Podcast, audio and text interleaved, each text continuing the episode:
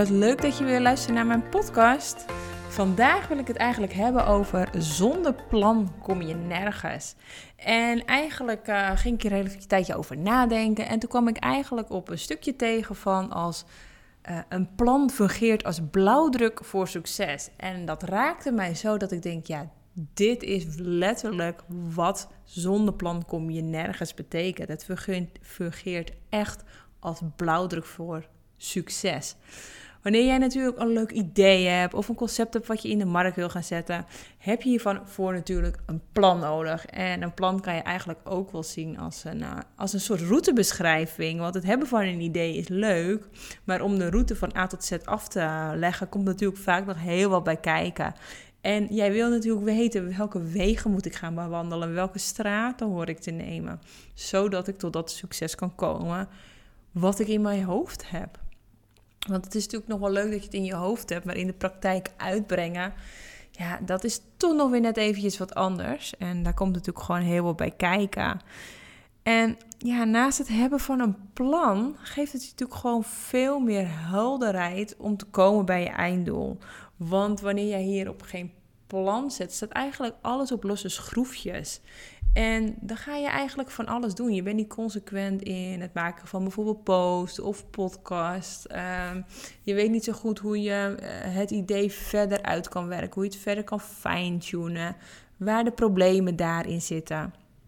En met een plan ben je veel consistenter en ben je veel consistenter consistent ook voor dingen uit te voeren. En ze zeggen ook vaak wel, consistentie is eigenlijk de key voor succes. En dat is ook zo, want wanneer er structuur binnen jouw bedrijf zit, gaat het veel makkelijker lopen en gaat het ook veel makkelijker uh, stromen.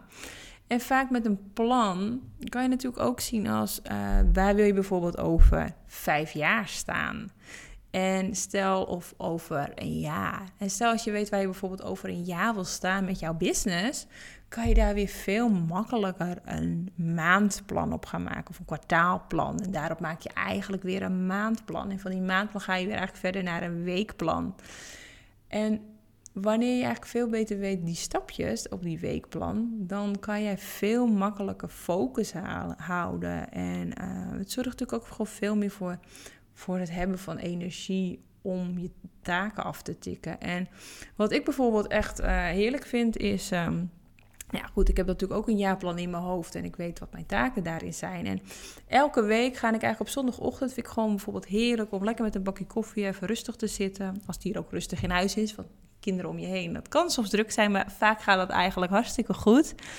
Um, ja, vind ik het gewoon heerlijk om even te reflecteren van hoe liep nu eigenlijk mijn week en welke taken gingen er goed en wat ging er minder en hoe zou ik het anders doen en wat neem ik hierin wel mee en wat neem ik hierin niet mee. Dat geeft al zoveel helderheid voor jouzelf. Bijvoorbeeld, um, leg jouw focus echt in de ochtenden om uh, echt taak af te richten voor uh, achter de schermen, bij wijze van. Of vind je het heerlijk in de ochtend uh, met iemand anders een podcast op te nemen, dan, dan neem je dat mee in je planning. Kijk, ik vind het gewoon heerlijk om in de ochtend gewoon lekker mijn focusuurtjes te hebben. En in de middag vind ik het niet zo erg om calls te hebben, want dan, dat stroomt dan toch bij mij heel goed. Maar ik moet ervoor zorgen niet dat ik s'morgens al heel veel calls heb, want dat werkt voor mij minder goed. Dus weet je, dus als je weet wat wel of niet werkt, kan je dat, dat in je plan gewoon goed meenemen. En dat zorgt ook gewoon veel voor efficiënt, eh, efficiëntie. Want het zorgt er ook weer voor dat je veel efficiënter um, gaat werken. En het voordeel is natuurlijk ook dat als jij jouw jaarplan hebt, je gaat natuurlijk opsplitsen. Allemaal, alles ga je opsplitsen in eigenlijk allemaal kleine stukjes. En van al die puzzelstukjes ga je die stapjes zetten. En uh, want als je dat niet doet, blijf je ook veel te veel over nadenken. Het zorgt dat je, um, ja, je gaat raken in de overthinking modus. Je weet niet meer van, oh, wat moet ik nu eerst doen? Of uh, moet ik nou dat eerst doen? En wanneer er geen helderheid in zit, is het ook veel moeilijker om jouw boodschap helder over te brengen naar jouw klanten, naar jouw volgers.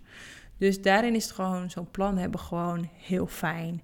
En daarnaast zorgt het ook gewoon dus, hè, dat het je focus geeft, maar, maar ook voldoening. Want wanneer jij je takenlijstje hebt, hebt en je kan lekker gaan vinken, wat lekkerder voor je hersenen is het om het af te vinken, dat voldane gevoel te hebben.